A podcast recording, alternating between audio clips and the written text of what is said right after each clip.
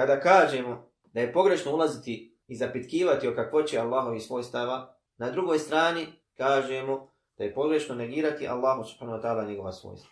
A to negiranje može da bude potpunim negiranjem. Nema Allah ruku. Nije Allah rekao da ima ruku. Negiraš potpunost. Nije Allah rekao da silazi na zemaljsko nebo. Nije Allah rekao da iznadaša. Negiraš u potpunost. I to je najgori vid negiranja.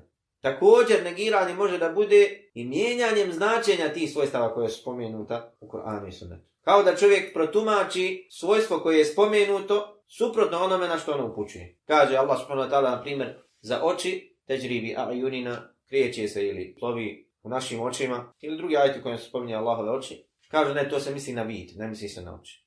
Oči bez sumnje upućuju na vid, ali ne samo na vid, upućuju na oči. Jer je svojstvo spomenuto, svojstvo očiju kada kaže poslanik sallallahu opisujući Dajjala, kaže da je on slijep na jedno oko. Kaže, a vaš gospodar nije slijep. I što ga su neki učenjaci uzeli da Allah subhanahu ta'ala ima dva oka. Dejjal će pozivati da je on božanstvo, da je on gospodar svih svjetova. Kako ćete prepoznati da je on lažom? Kaže ima samo jednog, a vaš gospodar nije slijep. Pa kažemo da je to negiranje svojstava, možda bude potpuno negiranje, možda bude djelimično negiranje koje je opasnije od ovog prvog, zato što lakše u njega upadaju neznalci. I zato što je ovo drugo većinom biva iz straha da se upadne u ovo poistovjećivanje Allaha sa njegovim stvorenjima. Pa kažemo, negacija možda bude potpuna i možda bude djelimična. Djelimična negacija je mijenjanje značenja tih svojstava. Imate grupacije u islamu koje kažu, jeste, Allah je rekao u Kuranu da vidi. Jer ovo prvo je kufr očiti. Kada bi neko negirao riječ jed iz Kur'ana, kaže kufr, nevjerstvo, zato što negira iz Kur'ana. Ali ovi drugi ne negiraju ajet.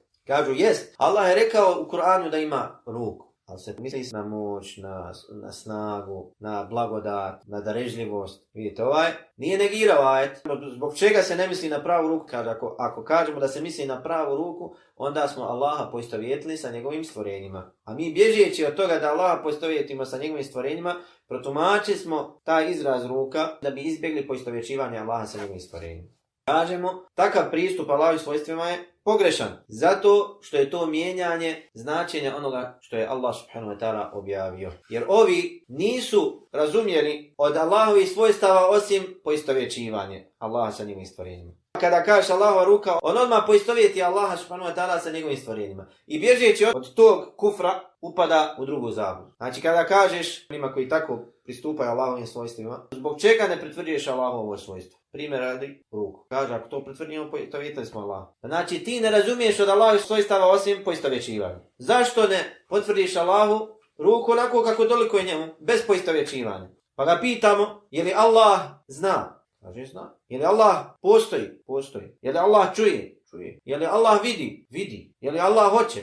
Hoće. Pa dobro, je li Allahovo znanje? Je Allahov sluh? Je Allahov vid? Je Allahovo postojanje? Je Allahov htjenje? Je li poput htjenja čovjeka? Kaže, nije. Allahovo znanje na istom stepom kao znanje čovjeka nije. Je li Allahovo postojanje isto kao postojanje čovjeka nije? Je li Allahov sluh poput čovjekovog sluha nije? Pa jeste li pritvrdili Allahu sluh? Jesmo. Jeste li pritvrdili čovjeku sluh? Jesmo. Pa zašto onda to nije poistovjećivanje? Kaže ne. Allahovo postojanje onako kako doliko je Allahu, a čovjekovo postojanje Kažemo tako isto po pitanju svih ostalih svojstava. Zašto ste napravili razlog? Zašto po pitanju drugih svojstava primjenjujete isto to pravilo? Kontradiktornost. Jer ako njegov vid i sluh i njegovo znanje nije slično čovjekovom vidu, sluhu i znanju, zbog čega onda ne kažemo da je Allahova ruka i da je Allahovo lice i da je Allahov silazak na zemaljsko nebo i Allahov smijeh i ostala svojstva koja su spomenuta u Koranu i Sunnetu, zašto ne kažemo da su ta svojstva onakva kako dolikuje Allah subhanahu ta'ala njegove savršenosti, njegove potpunosti, njegove veličanstvenosti, a ista ta svojstva kada se spomenu u kontekstu čovjeka, onakva kakva dolikuje njegove slabosti i manjkavosti.